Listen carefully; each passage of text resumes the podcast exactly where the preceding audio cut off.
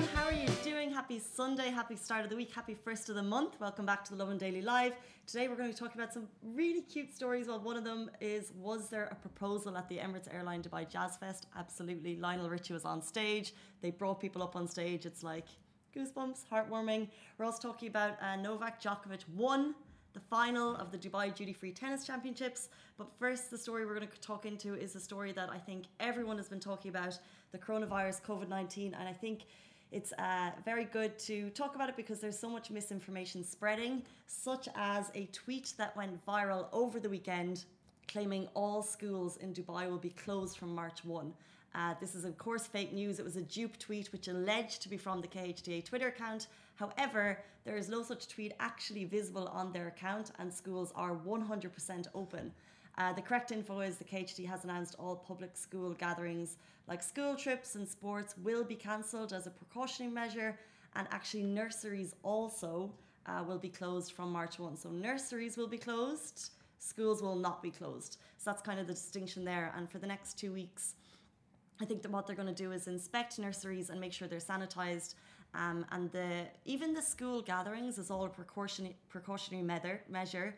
So um, if you had like a school trip or kind of a gathering on Saturday yesterday, that was cancelled. Uh, but uh, they haven't gone to kind of closing the schools yet. But if you want the correct information, you go onto the KHDA Twitter account because what you can see beside me is we haven't put up the full tweet, but it was it looked just like a KHDA tweet. I don't know who made it, um, but it kind of went viral over the weekend. So a lot of people were saying our school is going to be cancelled because in other countries where there are a lot higher number of cases, there are schools cancelled. Uh, but here, I think the UAE is on 21 uh, coronavirus cases, and um, with five recoveries, it has not been cancelled. But I don't know about you guys, but it has been a massive topic of conversation over the weekend. Uh, we saw the hotels in Yas. I think this kind of brought it home for a lot of people. Was the UAE tour was uh, cancelled, and this is because two Italian team members uh, tested positive over the weekend. So this kind of led to Yas Island. Um, there was two hotels. I think they quarantined and they tested everyone. So for I think 160, and this was the scary news, and then the good news on top of that was 167 people uh, were tested negative. This included kind of Chris Froome, the um, Tour Tour de France winner. Uh, he was among the cyclists quarantined, and the information we're getting is that they are all kind of will be leaving uh, today and tomorrow. All the negative testers, um, which is I'm sure a huge source of relief for anyone that has been down in Abu Dhabi. Shai, you said you were thinking of going down to Yas Island this weekend, and you yes, didn't. I was technically, Friday morning the news broke, so better stay keep distance.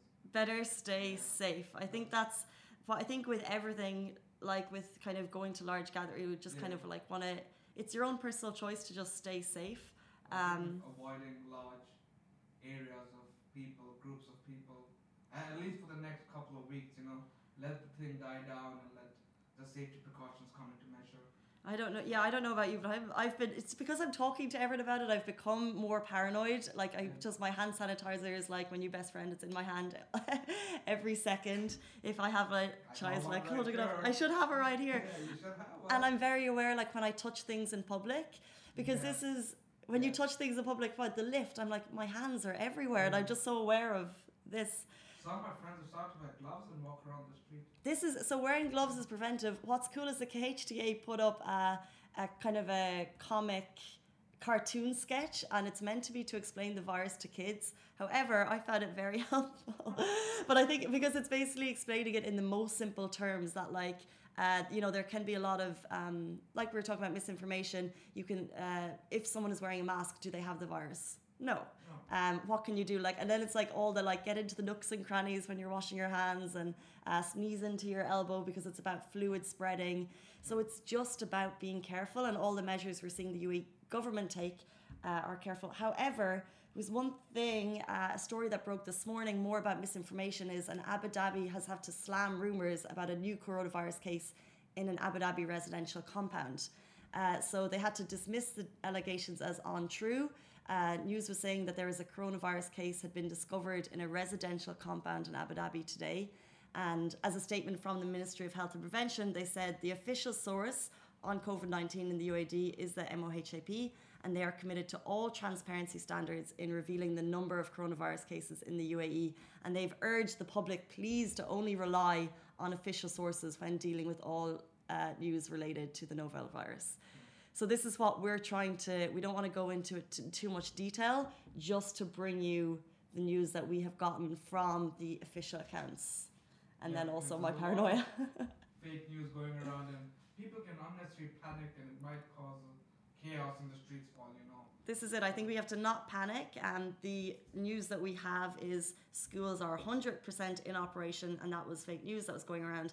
And also, there is not a spread in a residential compound in Abu Dhabi. I hadn't heard that rumor, but the MOHAP have had to deny it. Um, so just only rely on the official sources. And keep sanitized. Keep sanitizer. Try not to panic. It is like it is a scary time, I think, but I think we just have to kind of follow what the authorities are saying and Yeah, hope for the best. Uh, avoid large groups. Keep your sanitizer. Like you know, I, I think you'll be fine. I think we'll be. I think we'll just see as time as time goes on. And uh, would love to get your thoughts on it. Had you heard the rumors, and are you carrying your hand sanitizer? Um, we'll move on to our next story. We're talking about the Emirates Airline Dubai Jazz Fest. First of all, I was down there on Wednesday, just kind of um, pre the festival, and I absolutely loved Dubai Media City Amphitheatre. It looked great. I think it just looks better every year. The weather was fantastic. And then on Friday, so One Republic, Lauryn Hill, uh, Lionel Richie on three different nights, and then a very special moment. We're going to play it now. Can we play it now? for you.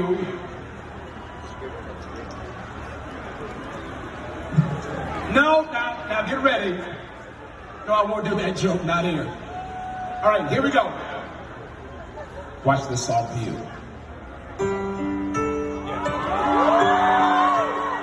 Now you gotta turn around and look at the audience while I sing this. Thanks for the times that you've given me. The memories of all. Now this was Um, yeah, so that was it. So you don't actually see the proposal, um, but what it looked like was that the guy had told his fiance because she said yes that they'd won a competition and that's why they're on stage. First of all, Lionel Richie serenading you, and then a second later in the next video, he gets down on one knee.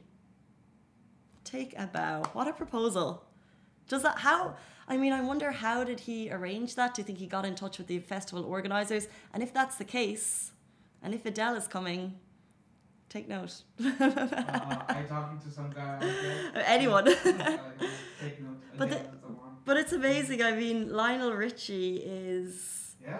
like incredible performer, has an incredible range of tunes. The crowd loved him. He is like the ultimate performer on stage. And then the fact that he got down and did that was so romantic. And I think the whole crowd was just in awe. Did any of you guys see it? approach this to get permission to do all this? Chai is asking, are you asking for? I just, you know, I'm, I'm sure the viewers are concerned and they want to know. So if the viewers are concerned and they want to know, and if Chai is curious, I think that you would get in touch with a the media partners. Lovin Dubai were media partners, so we would have reached out to the concert, um, or you would get in touch with the venue, it's uh, the the festival itself. Alright. But I guess the media partners on this one were Dubai ninety two, um, Lovin Dubai. See, maybe we could have connected that. Just thought it was a nice story.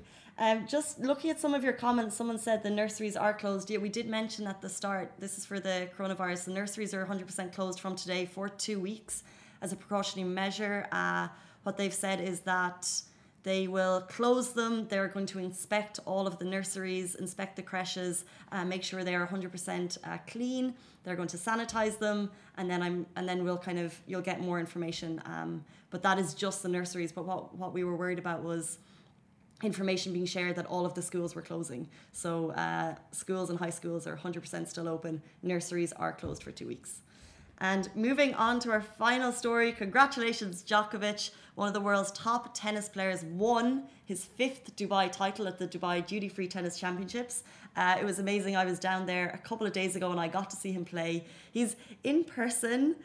I, like I know he's a tall guy, but he's he's like very impressive as a person just to watch. And he just the match I saw, uh, he was actually so he played in against Tipstadt in the final. He's playing against Struff, a uh, I think Russian player when I saw him, but he just it's just so natural and he's so good and he just takes over the entire court.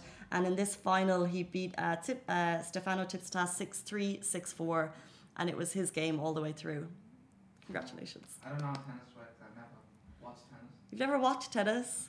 I have a mother who's obsessed. Actually, she she was the person who uh, I should nearly play her voice note. She messaged me yesterday evening saying, "For your show in the morning, not only did he win, he also was, uh, and this is information we'd gotten before, but it was kind of announced in a big way yesterday publicly, is that he's been given a ten-year gold visa for the UAE." Oh wow. This is amazing. So he joins people like Roger Federer, Cristiano Ronaldo, and a couple of other uh, notable uh, sports stars around the world, which is very cool. So, and when he's here, he has like gone training at the Nad Al Sheba Sports Complex. Um, he has a foundation, the Djokovic Foundation. He did a lot of work with that while he was here as well. So he's very, as well as being a sports star, he has his own foundation. He's um, he's just a great guy. You are very great, by the way. Jock, well, I did that on purpose. um, that's amazing. So that was him just taking home uh, the win yesterday. Um, shout out to the actual the, the tennis championship itself, Dubai Duty Free Tennis Championships. Lovin Dubai were also media partners for that event as well, uh, which is really exciting. It's so well run. I love that stadium. I love the kind of atmosphere there. Wish I'd been there for the finals, but if you were there, I hope you had a great night. And those are top stories, guys. Um, we'll be bringing you more top stories here tomorrow morning, same time, same place. See you then. Bye. That is a wrap for the Lovin Dubai Daily Live. Remember, we are back with you same time, same place every morning. Do not forget, we also have Dubai Works Business Podcast where Rich sits down with the business people of Dubai so you can get more information about that. And of course, the Lovin Weekly show where Shireen and I chat to influencers and get to know a little bit more about them. Bye.